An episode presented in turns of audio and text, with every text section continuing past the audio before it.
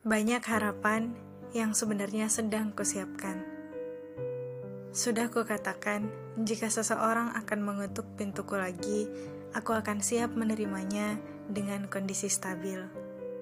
Dengan pemikiran yang sudah terbilang tidak remaja dan labil. Ya walaupun masih labil sedikit sih. Tapi kurasa aku sudah cukup sekarang. Tidak bergantung dan tidak menaruh ekspektasi apa-apa lagi dengan seseorang. Sekarang yang kurasakan pasti perasaan senang, tapi senang kali ini benar-benar cukup, bahkan tidak berlebihan sama sekali. Apakah ini yang dibilang jatuh cinta di umur 20-an? Kurasa komunikasi bukan hanya sekedar sering bertukar kabar saja, tapi meluangkan waktu itu sudah cukup. Bagaimana kita sibuk dengan pekerjaan masing-masing, tapi bisa menyempatkan waktu untuk bertemu dan bertukar banyak cerita.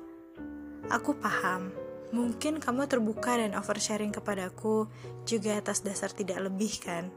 Aku paham, kamu hanya ingin didengarkan dan kebetulan aku ada. Gak apa-apa, aku sangat bisa menerimanya. Karena aku rasa jatuh cinta tidak memaksa siapa pun dalam menjalankannya. Aku biarkan kamu yang memilih, serius atau tidaknya, aku harap pilihan dan keputusanmu sudah tepat. Perasaanku sekarang sudah sangat dekat dengan stabil. Ya bagaimana tidak, aku sudah berani untuk tidak melakukan tingkah bodoh lagi. Bodoh yang sudah tidak bisa ditolong saat merasakannya. Jatuh cinta yang bisa dikatakan buta.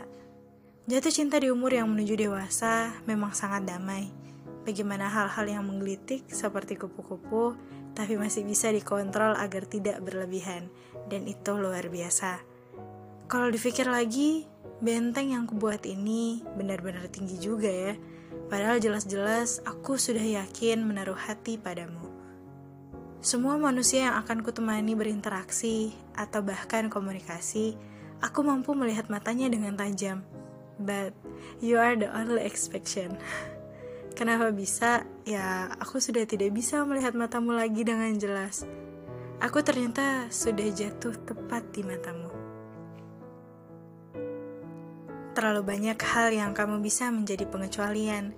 Salah satunya berinteraksi di lewat telepon. Aku benar-benar tidak bisa berkomunikasi di telepon, tapi kamu dengan santainya mendobraknya dan kuiyakan dengan mudah.